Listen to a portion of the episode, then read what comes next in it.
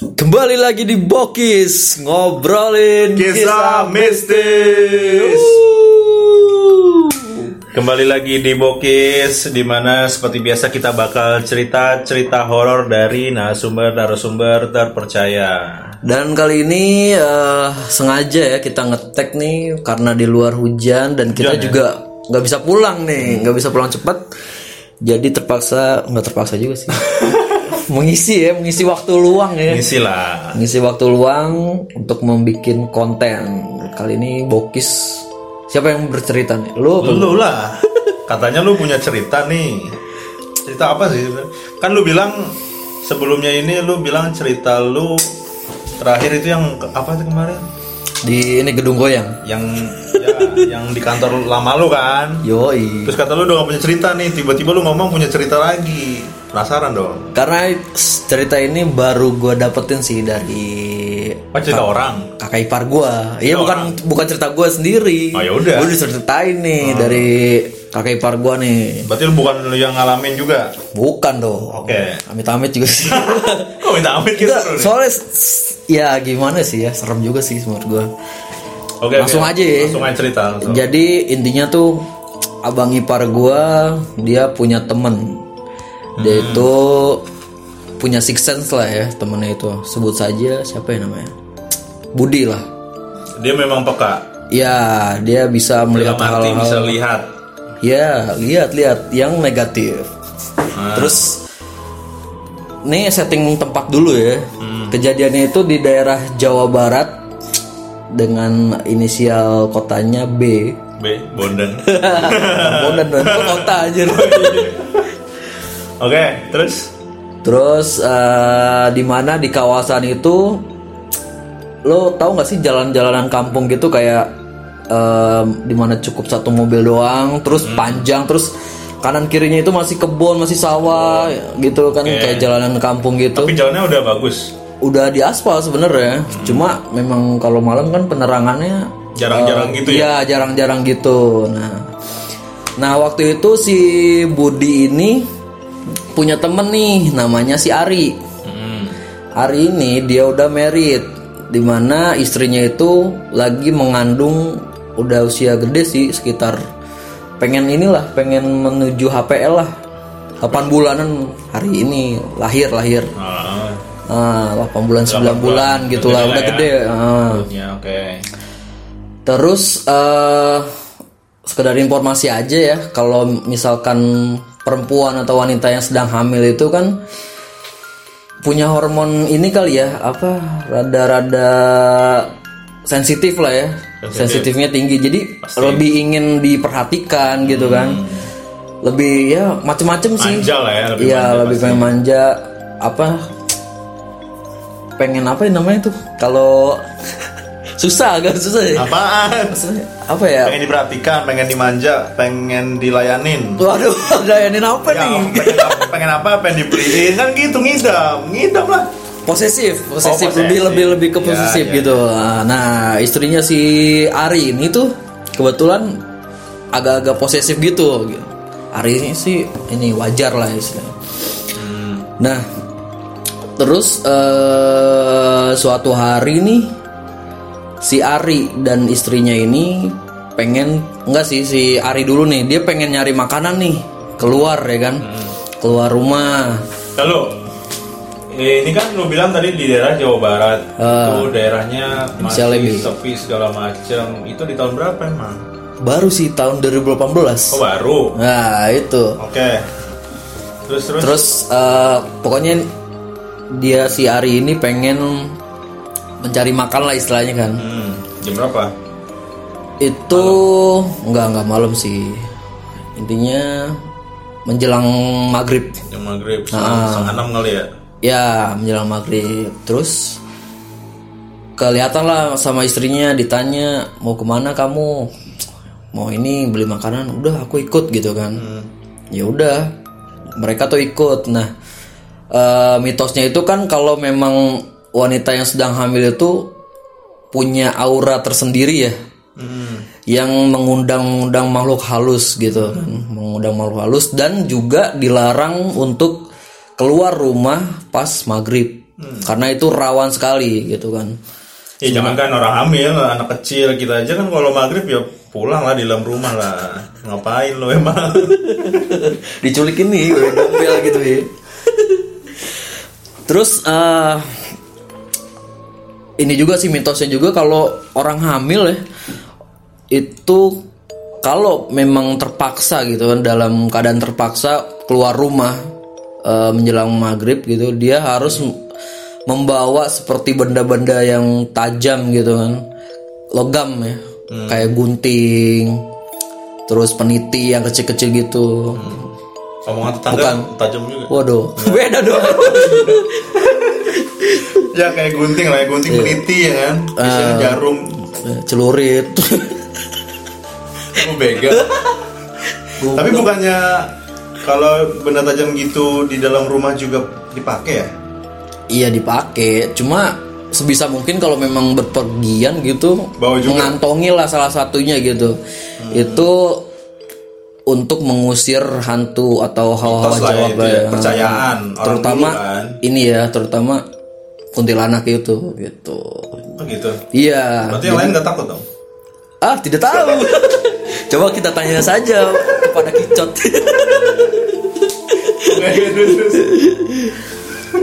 Karena kan eh, kebanyakan yang ganggu itu kan Oh iya, yang Iya. anak kecil ya? ah. Bayi itu ya. Nah, itu dia. Nah, terus eh, karena memang si Ari dan istrinya itu nggak begitu percaya terhadap hal-hal seperti itu, ya udahlah langsung lah, langsung mereka eh, jalan. Nah itu tadi melewati Oh, gunung lembah. Ya laki. iya, enggak lah, naik motor, Oh, naik motor. naik motor. Jalan di samping kanannya kebun, samping kirinya sawah gitu-gitu. Udah sampai situ nggak ada apa-apa dong.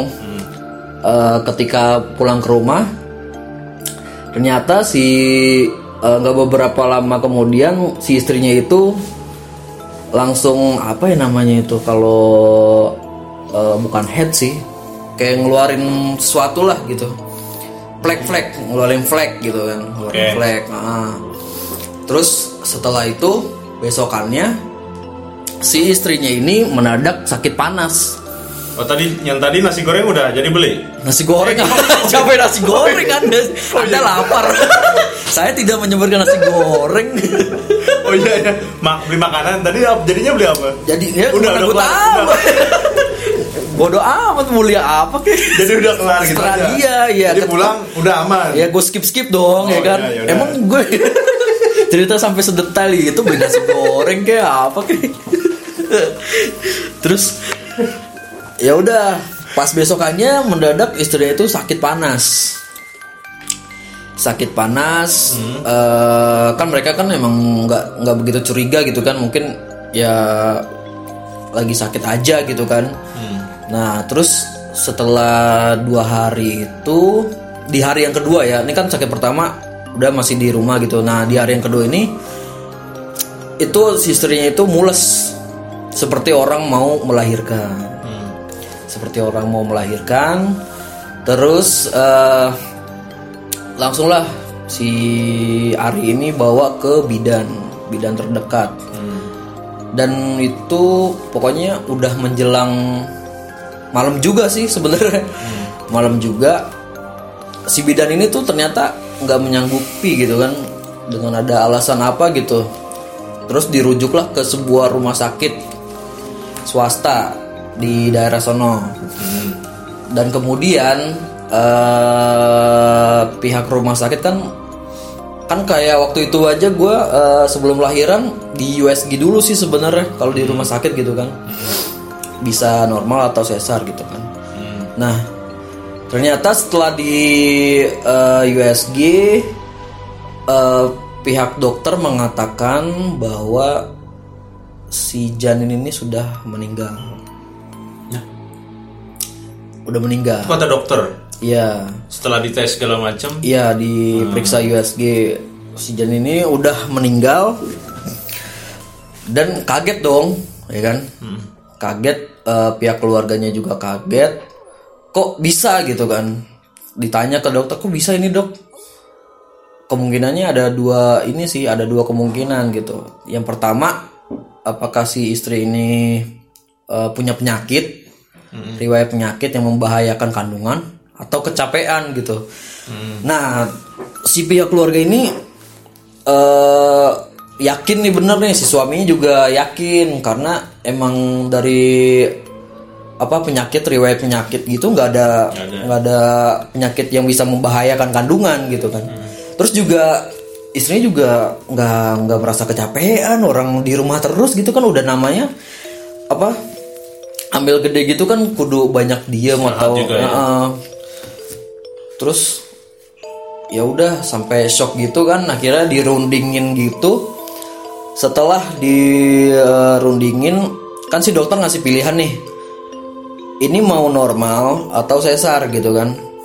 Setelah dirundingin ini normal normal aja gitu kan. Ya udahlah setelah itu si dokter ngasih obat obat apa ya buat perangsang lah obat mual gitu kan buat apa Iya ya bisa keluar gitu lah obat perangsang buat Biar keluar gitu. lah ya. Hmm, obat mules gitu. Ya udah, setelah itu ya udah ditunggu aja reaksinya kan gitu kan. Hmm. Dan itu sekitar pukul jam 9 belum juga ada reaksi dari obat itu kan.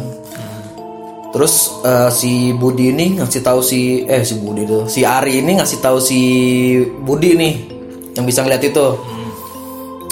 eh Bud, ini gue lagi di rumah sakit ini, istri gue mau lahiran gitu kan. Dan kebetulan waktu itu si Budi ini ini lagi pulang kerja lah ya, gabut juga, ya udahlah mampir aja dulu gitu kan, mau ngeliat keadaan doang sih sahabatnya gitu. Udah sampailah sekitar setengah sepuluhan.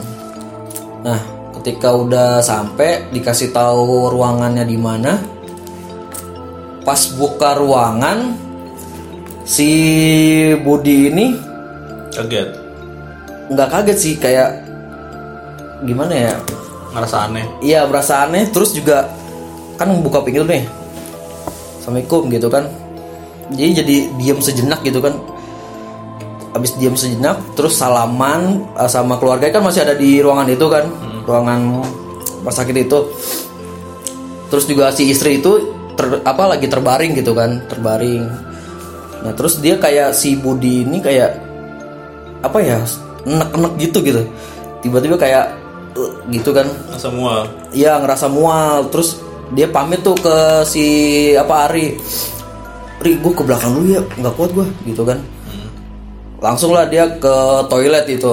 Nah setelah di toilet kan si Budi itu ya muntah lah gitu kan.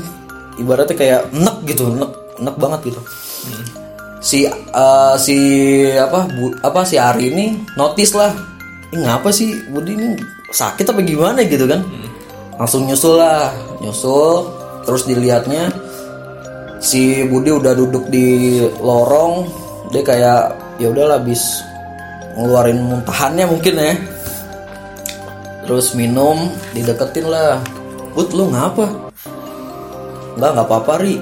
Gue kecapean doang kali kayaknya masuk angin juga gitu kan. Masuk eh, habis lembur gitu.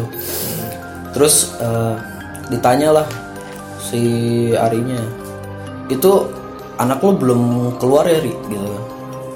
Belum bud ini gue lagi nunggu gitu kan. Padahal udah dikasih apa obat perangsang mual gitu.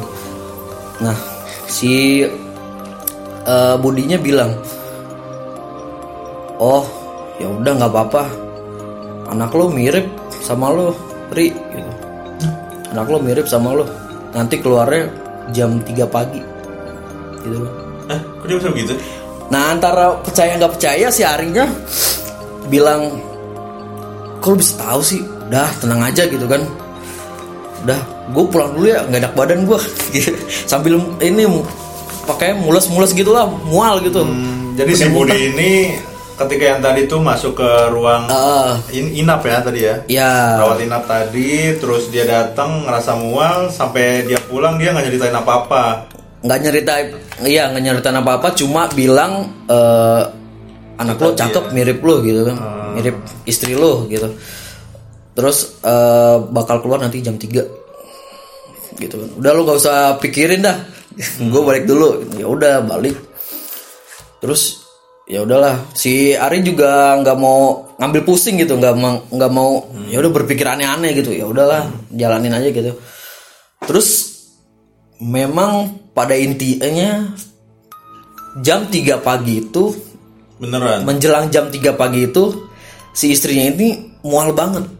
Ah, mules. Ya mules banget ya udahlah habis itu keluarlah dengan memang kondisi janin yang sudah meninggal. Gitu. Ya udah setelah itu udah nih cerita di rumah sakit udah kelar sampai situ kan. Nah selang beberapa hari kemudian si Budi dan hari ini ketemu lagi di suatu warung kopi atau di mana gitu. Pokoknya intinya ketemu dia pokoknya si Ari ini masih penasaran dong dengan ucapan si Budi itu. Kok dia bisa tahu gitu? Karena bener apa yang diomongin dia kejadian, kejadian. Nah ditanyalah sama si uh, Budi. Bud lu kok bisa tahu sih malam itu uh, istri gua bakal ngelahirin jam 3 subuh? Gitu. Hmm. awalnya si Budi ini nggak mau ini dong nggak mau cerita dia. Karena dia pengen ngejaga lah istilahnya gitu kan ngejaga perasaannya si Ari gitu ya. Tah, udah apa ikhlasin aja ya Ari gitu kan. Tapi setelah didesak terus sama si Ari si Budi ini akhirnya cerita. Jadi ketika awalnya buka pintu dia memang udah merasakan enak banget gitu. Itu kenapa enak banget? Karena dia melihat suatu sosok eh, perempuan di samping istrinya yang sedang berbaring. Diri? Ya dia diri. Anak kecil berarti?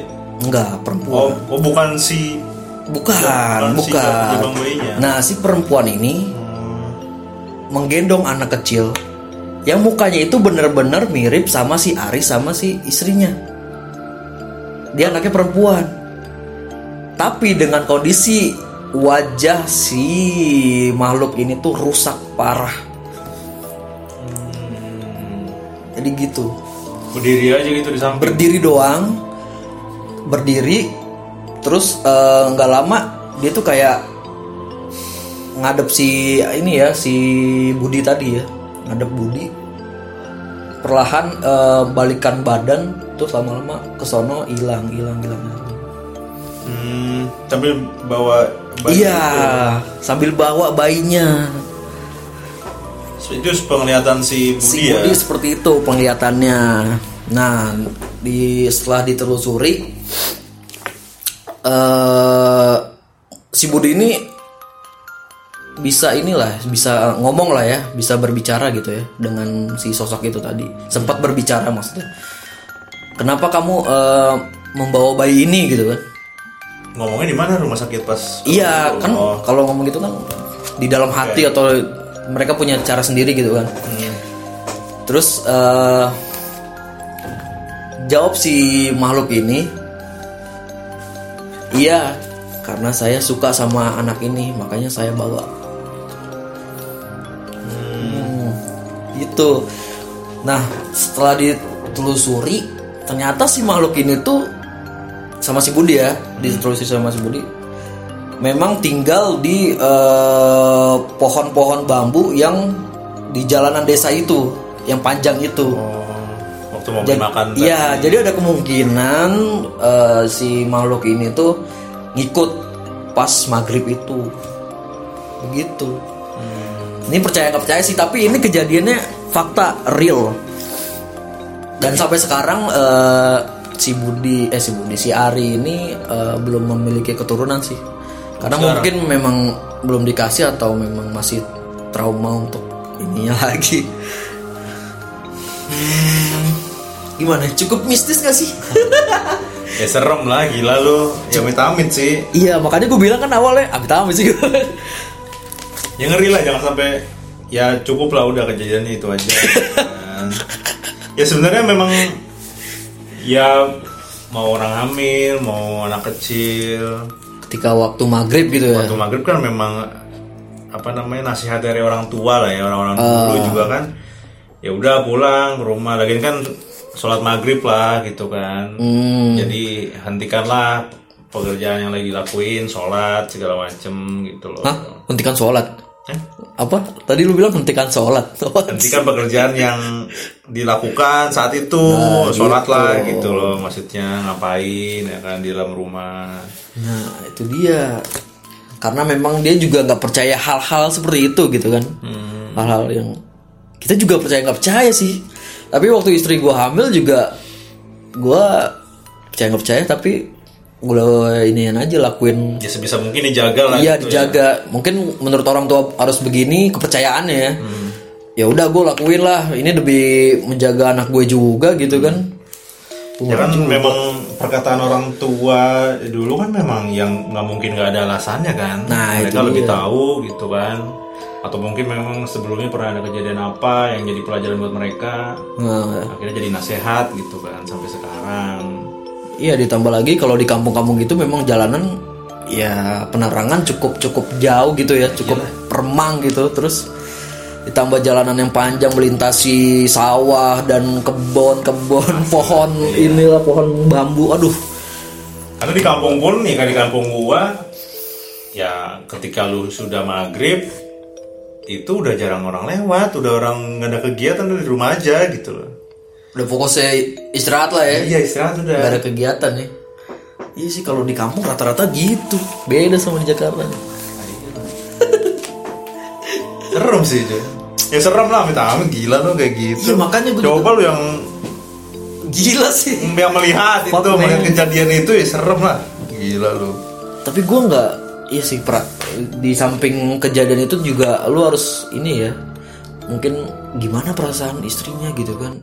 Keluarganya atau semuanya gitu yang merasakan kehilangan. Aduh, Tapi setelah itu ketika si Budi cerita sama Ari, udah nggak diceritain mana-mana lagi. enggak, gue dapat cerita sampai itu doang. Jadi udah mungkin sampai sekarang cuma Budi sama Ari aja yang tahu. Iya, sama abang ipar gua dong yang tahu. Oh. yang ceritaan sama lu sekarang. Nah iya makanya gue tertarik nih untuk menceritakan di sini nih. Iya sih. Oke, kalau gua Punya ini Mungkin- udah hamil. belum dong, nanti aja. nanti dong. Kalau gua mungkin ini udah gua pernah ceritain sedikit ya di Yoi. posting rewind tuh.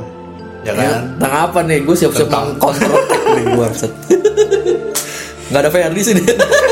Orang yang pertama kali diceritakan itu gue dan Ferdi nih. Yang pertama kali menertawakan ya. Harus karena harusnya cerita ini seram gitu. Ya gimana? Coba Tapi coba jelasin jelasin jelasin. Lu Oke, jadi ini gimana? versi lengkapnya ya, versi lengkapnya. Karena gue ada pernah ceritain di posting rewind itu ya cerita singkatnya lah.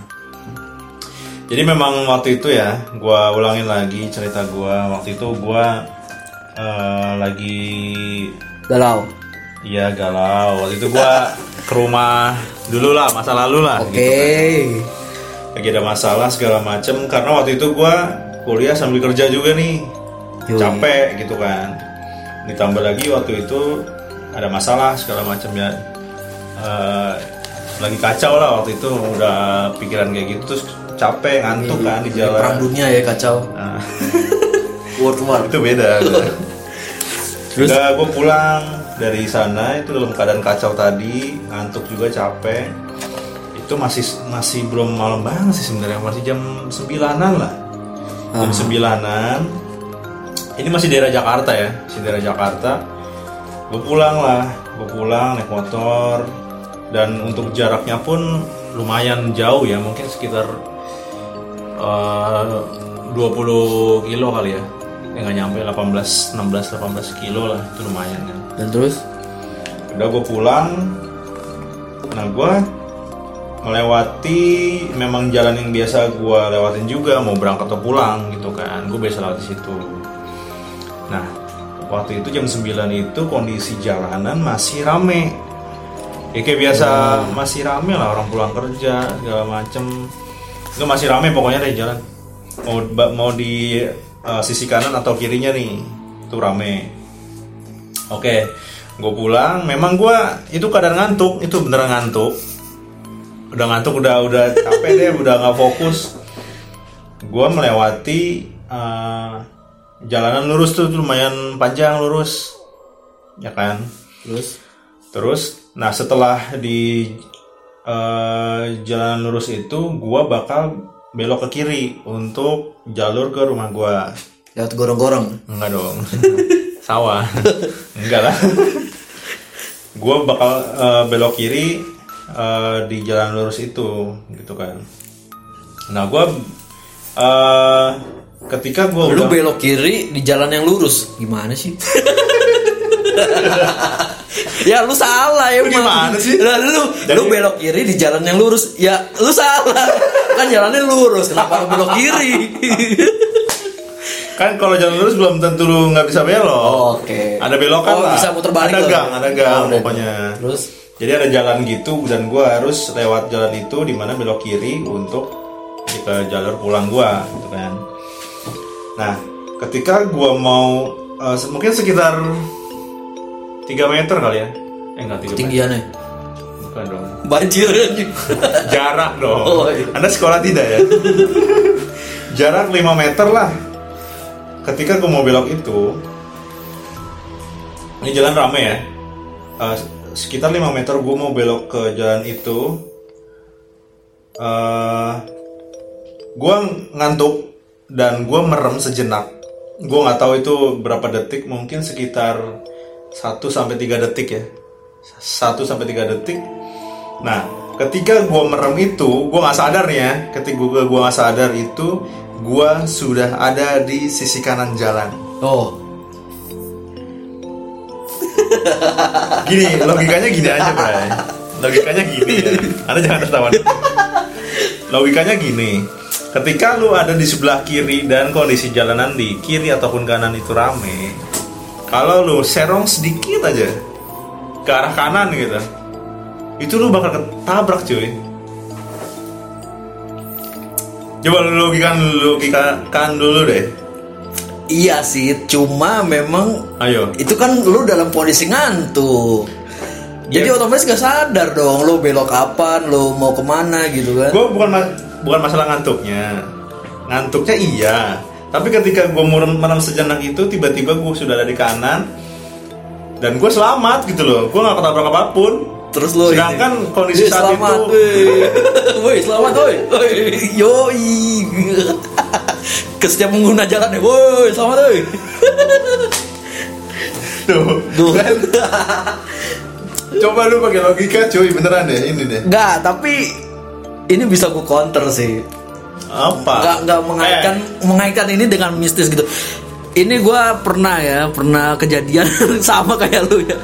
Ini belum lama ya di di Pondok Kopi. Jadi waktu itu kalau di Pondok Kopi itu kan rame ya.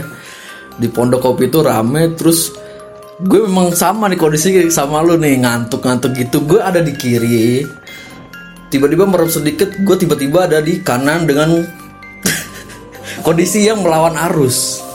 Tuh kondisi lu kayak gimana memang itu sepi kali jalannya boro-boro itu rame serius dan itu gue selamat dan tidak mengaitkan hal itu dengan mistis Eh, lagian kan kalau lo di logika akan gitu ya. Kalau lu tiba-tiba serong itu jadi ada kedua kemungkinan mungkin lu jatuh karena lu nggak Iya. kontrol dengan kendaraan lu iya ataupun lu ketabrak. Iya. Kemungkinannya itu sih sebenarnya. itu dong nah gue juga selamat dong kan dalam kondisi yang ramai itu serius itu masih ramai.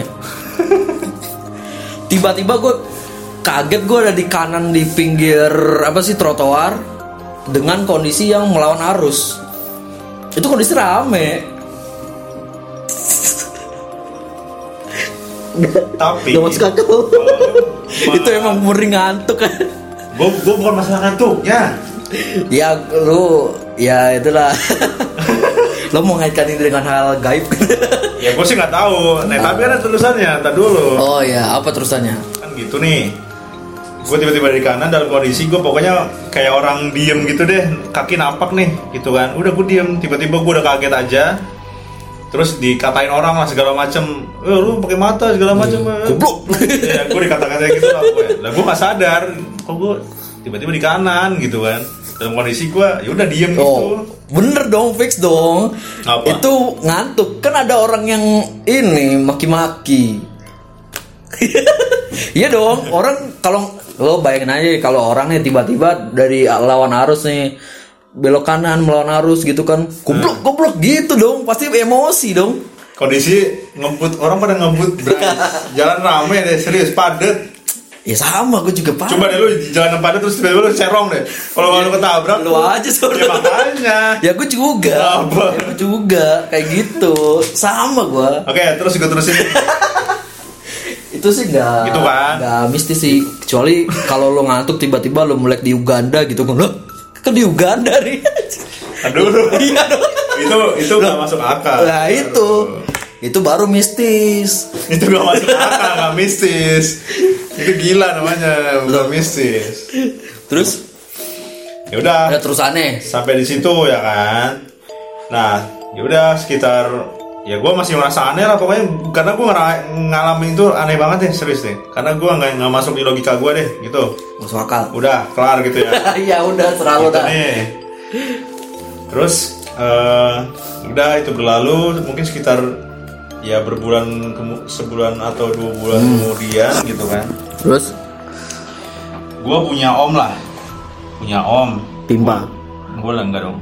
Gue lagi nginep lah hmm. di rumahnya gitu kan. Terus? Om gua ini ya apa ya mungkin peka juga lah. Dia memang bagus lah dia. Hmm. Terus gue cerita curhat sama dia gitu kan. Gue pernah kayak gini gini nih gue ceritain apa yang gue alami waktu itu. Hmm. Ketika di jalanan itu. Terus? Ceritain segala macam. Gue nggak tahu mungkin dia bisa ngelihat kejadian itu diulang lagi. Yang nggak tahu sih dia sih. Oh lo ceritain gitu jadi ceritain sama dia. om lo bilang apa? Katanya lo ngantuk? gua saat itu diselamatin. Selamatin sama siapa Hah? sama siapa? Ya nggak tahu. Sama yang kata di atas tuh? Ya pastilah. Iya iya. Eh, dengan perantara ada makhluk yang menjaga gua. Siapa? Nggak tahu ya kan makhluk menjaga gue lu kan nanya gitu makhluknya penjaga apa gaib gitu? lah. Gue nggak nggak tahu. Gitu kan. Gue cerita kayak gitu gue kaget lah. Duh, ya, ada yang ya. jagain gue gitu kan karena karena gue cukup sering mengalami hal yang mungkin membahayakan diri gue menabrakkan diri gitu contohnya. Enggak dong. Mat diri dong di mana gue ser, eh, lum- sering ya. Lumayan cukup beberapa kali gue mengalami hal yang bakal membahayakan diri gue dan gue alhamdulillah selamat dari itu gitu loh. Kayak selain itu ada apa lagi? Kalau di jalan sering sih gue apa ya? Ya mungkin ya dari hal-hal yang kayak gitulah. Yang di jalan lu tahu sendiri lah kayak gimana kan? Orang-orang di jalan tuh kayak apa kan? Kalau udah naik motor nah itu kan dari segi ini dong pasti human error. Ya human error. Ya kan ya gue nggak tahu. Pokoknya ketika gue cerita sama om gue itu dia mungkin melihat dengan ya mata telanjang. dengan pengetahuannya dia. Ada yang, ada, ya. ada yang menjaga gue gitu loh ada yang menjaga gue terus respon lo? Wah enak juga. Kenapa di roasting terus sih? Lo kan gue pengen tahu respon lo gimana. Setelah lo mengetahui lo ada yang ngejagain gitu lah Hmm. apa kalau ngerasa optimis gitu? Maksudnya ya gimana ya? Merasa tinggi. Enggak lah. Ya kan itu semua yang nyelamatin pasti yang di atas lah. Kan ya gue ketika tahu itu ya kaget lah. Karena kalau gue runut gue selama ini karena selama ini gue kok itu tadi gue Aman-aman sering, aja. sering selamat dari hal-hal kayak gitu alhamdulillah gitu kan. Eh, dan sejak itu ya bisa dibilang berulang sih. Oh lo gitu lagi ngantuk lagi terus Enggak. tiba-tiba pindah lagi. Mungkin pindah tempat mulu enak aja Gue bisa teleportasi itu mah. ngantuk lalu tiba-tiba di rumah di kamar gitu. wah Enggak lah. sekali. Pokoknya setelah itu gue gimana ya? Sebenarnya kayak gue bisa balik ke belakang. itu ketika gue sekolah di zaman SMP SMA itu gue kayak eh, kayak yang gue cerita di postik juga kan gue sering mengalami kayak gitu entah ngeliat terus eh, suara kayak gitu. Hmm. sekelebat lah atau apa pun itu benda bergerak bahkan. Kayak udah pernah cerita gue sering cerita di postik lah. Rumah bergerak. namun enggak dong. Gempa dong. Jangan minta-minta itu eh ketika gue makin beranjak dewasa itu agak hilang cuy. Hal kayak gitu Ya mungkin karena sering bertambahnya lo menjadi tua gitu kan. apa hubungannya Loh, kan? tidak ada hubungannya Rata-rata makhluk itu kan maksudnya gimana ketika? Kalau- lu ketika, ketika lu masih, kecil, gitu ah, ketika lo masih kecil itu masih memiliki rasa ketakutan gitu. kan nggak kecil juga gue SM, M, SMP SMA Emang lu? nggak kecil lah Langsung berotot gitu. kecil itu definisinya waktu lu masih bayi Iya maksudnya TK enggak pas lo sekolah kan gitu kan kayak rada tanggung gitu gak sih remaja kan masih remaja tanggung lah. Itu kan masih labil. Terus kita juga pasti belum bisa tuh berpikir dengan logis dan jernih, men. Ya, Iya kan? Iya. Terus- kalau lu mau secara ilmiah mungkin bisa kayak gitu. Iya. Tapi kan nggak terlalu kecil juga gua. SMP SMA nih ya. Itu udah udah udah gede lah. Apanya? Udah gede lah pasti. Palanya gede. Itu loh. Dan sampai sekarang alhamdulillah mungkin gua apa ya ngerasa Aman. ya alhamdulillah sih. Ya mungkin karena lo ini kali berdoa lah sebelum ini mengendarai motor. Ya, itu pasti Nah, lah. Pasti dong. Itu pasti lah. Nah, itu dia. Cuma ketika kayak gitu gue jadi ngerasa kayak memang kayak ada yang menjaga gitu. Gue nggak tahu sih merasakannya dengan apa. Mungkin dengan aura kalau gue lagi sendiri gitu. Ya mungkin ya. Oh ada yang membisiki lo ya. Enggak juga. Ayo ikut bersama kami. Enggak juga sih. Pokoknya intinya kayak gitu. Jadi ketika gue tanya soal sama om gue yang mungkin punya pengetahuan kayak gitu, dia melihat gue ada yang menjaga gitu loh. Tapi eh, maksudnya lu sering ini gak sih ngantuk-ngantuk gitu tapi dipaksain kalau berangkat atau pulang gitu atau berkendara. Ya, ya sering lah pasti namanya orang kerja gitu kan ya adalah masanya kayak gitulah Ya mungkin saran gua buat lu semua gitu ya. Karena gue pernah ada di ini oh iya posisi bondan gitu kan. Nah, itu lu ngantuk-ngantuk tapi maksudnya- enggak ini enggak, kan. maksud. Coba. Gua kan pernah juga maksudnya sering juga mengalami ini kayak pi- pindah teleportasi atau gua tidur bener-bener tidur di motor tapi selamat gitu. Intinya gitu kan. yang terakhir gimana kan Nah, itu dia. Ayo. Nah, itu kan gue merasa jumawa dong. Wah, kayaknya kalau tidur di motor saya tidak apa-apa. coba saya tidur dari kantor ke rumah apakah akan sampai Terus ya kemarin-kemarin gue mengalami kecelakaan guys.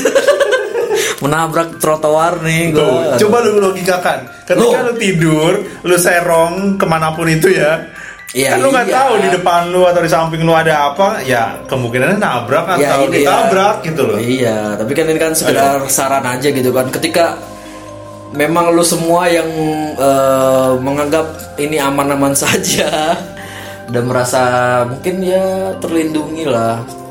Tapi bagusnya sih kalau memang merasa ngantuk kita tidur dulu atau istirahat gitu kan Berarti atau dulu lah minum ini kerating deng dua dus. kenyang pak kayak kenyang kembung ya Kagak kenyang yang pakai nasi. ya itu ada pesan lah di situ yang namanya lagi berkendara apalagi malam-malam ngantuk capek gitu ya ada baiknya berhenti dulu lah jangan memaksakan sih Hmm. Gila. ya itulah tapi itu cerita gua gua nggak mengada-ngada memang apa yang gua rasain sampai sekarang pun kayak gitu sih kalau gua ya Ya, ya, ya. yang gua rasakan, kayak gitu Walaupun eh, banyak dari kita yang menyaksikan sanksi nih, ya itu sanksi. serah kalian terlalu juga mau menilai seperti apa tapi Eh. kalau lu pikir logika deh logika aja deh Iya memang logikanya memang gitu kan. Ya udah, juga pernah merasakan kan. ya tapi kan akhirnya ya kan karena memang gue merasa jumawa nih kan wah tidur nih nggak apa-apa nih langsung aja cepat tahu tidur sampai rumah ya. motor lu itu motor gue Ghost Rider kali. Ya silakan kalian menilai sendiri dengan logika lah. ya dan kalian harus uh, mengambil sisi positif dan negatif ya dan terlebih dari uh, cerita yang gue sampaikan tadi ya kan uh, mungkin ada kalanya kalau kalian-kalian yang sedang hamil ya kan atau orang-orang di sekitar kalian sedang hamil tolong berpesan bahwa memang di kalau waktu maghrib itu ya sebisa mungkin nggak usah keluar rumah lah kalau nggak penting-penting banget gitu Ya nggak nggak maghrib juga lah sebenarnya lah. Ya pasti ada Iya. waktu-waktu tertentu yang memang apa ya, yang nggak berkegiatan dulu lah. Gitu. Iya. Jangan memaksakan gitu. kan. Cuma maksudnya di sini kan ya mitosnya kan kalau maghrib itu memang jam keluarnya mereka gitu kan. ya, Ya itu kan. kata orang dulu lah juga lah. Nah itu dia mungkin lebih dijaga lah diminimalisir kalau bisa gitu. Hmm. Dan bawa peralatan seperti itu tadi paku payung ya apa sih? Ya itu sebenarnya buat jaga-jaga aja sih. Iya. Ya bukannya ya musrik nggak sih kayak gitu cuy. Ya kalau kepercayaan orang dulu ya gimana ya? Ya sebenarnya kepercayaan sih ya budaya ya. Enggak. Walaupun kita ini ya eh, menyerahkan semuanya kepada yang di atas yang berkuasa, cuma memang harus jaga-jaga juga sih. Di samping dengan doa kita juga harus usaha gitulah intinya. Gitu pesan dari Bokis kali ini. Oke. Dan gue sebenarnya masih punya beberapa cerita horor ya. Horor tapi lucu. Enggak lah. Serius horor, cuma memang gue ngalamin ini juga di SM waktu SMP dan SMA cuy. Itu ada yang di kampung gua, gue lagi pulang kampung di rumah gue juga pasti gue karena gue sering ngalamin itu pun di rumah yang sampai sekarang gue juga tinggal di situ. Rumah lo yang bunker itu ya? Mau ada? Ada bunkernya kan rumah? Enggak ada. Mungkin nanti bakal gue ceritain sih nanti. Wih, kita nantikan nih cerita-cerita dari Bondan di next episode. Lu bakal cerita apa nih yang menurut lu seru lagi di pengalaman hidup lu? Bokis yang tadi tuh, yang di kampung lu, di kampung lu. Ada apa di kampung Ya lu? itu ntar aja Oh, lah. Gue bilang nanti aja. Itu ya itu memang gue bilang gue masih punya beberapa cerita horor sih. Nggak jauh-jauh dari pesugihan sih kayaknya. Enggak dong. Karena memang gue gue banyak cerita di waktu gue sekolah SMP SMA itu itu sering sering seringnya deh. Apalagi gue juga mengalami kejadian itu ya sering gue juga ketindihan sering banget. di Nggak logis deh pokoknya itu nanti di mana itu gua tindihnya di rumah lu sendiri atau di sekolahan lu ketindihan temen lu? di rumah lah di kamar gua lah. Mungkin kita bakal nanti bisa ngebahas itu ya ketindihan atau sleep paralysis mungkin. Wih. bisa kita ulas ya. Wih, iya dong karena gua sering beserta ini ya penjelasan ilmiahnya. Ya mungkin nanti kita bisa bahas lah. nanti sama paranormal kita nih si Kicot. oh, jangan, jangan lupa juga nih eh, follow Instagram postik di Yoi. postik underscore Dan juga eh, boleh dicek nih YouTube ya? YouTube terbaru dari kita ya. Mungkin- Mungkin rewind. Iya, untuk sekarang mungkin baru ada satu video di uh, YouTube posting rewind. Mungkin nanti cerita yang ada di Spotify itu mungkin nanti kita bakal upload di YouTube ya. Ya. Mungkin nanti yang mungkin terkendala sama Spotify itu bisa didengerin di YouTube gitu kan. Boleh boleh di komen ya, tapi yang membangun lah ya, kritik tapi Ya, membangun. ya, kasih masukan, kritik, saran yang bisa membuat lebih baik lagi lah. Yo Dan ada yang mau cerita horor gitu kan, mungkin malu menyampaikan mungkin bisa uh, disimpan dari dalam hati. nggak nggak bakal tahu dong bisa cerita ke kita di DM postik underscore Yo di Instagram ataupun di email postik at gmail.com yo kita bakal terbuka lah untuk cerita-cerita dari kalian semua sip. Tapi kalau orang-orang yang malas nulis gimana itu? ya nulis ya bisa kirim Apa? recording aja Yo. recording lewat email yang tadi postik at gmail.com Kirim recording aja ya, berarti dia yang cerita sendiri gitu. apa apa bisa bisa Atau kita- dia eh, mau cerita langsung nih sekalian direkam sama kita kita gimana? Oh bisa kita samperin dulu. Oh, kita samperin. Kita sistem jemput bola bisa. gitu. iya. Kita menerapkan sistem baru. sistem jemput bola. Iya dong. Iya lah. biar semua cover Aduh, kalau pendengarnya di Bandung agak repot yang di Bandung suruh sini aja oke cukup sekian ya cerita kita kali ini walaupun Semoga aja ya, semoga next time kita lebih rame lagi ya. pastilah kita bakal semoga bakal bisa mendatangkan narasumber narasumber dengan cerita yang lebih seram Nah, sip. oke nantikan terus episode-episode Bokis selanjutnya di Bokis ngobrolin kisah mistis mistis.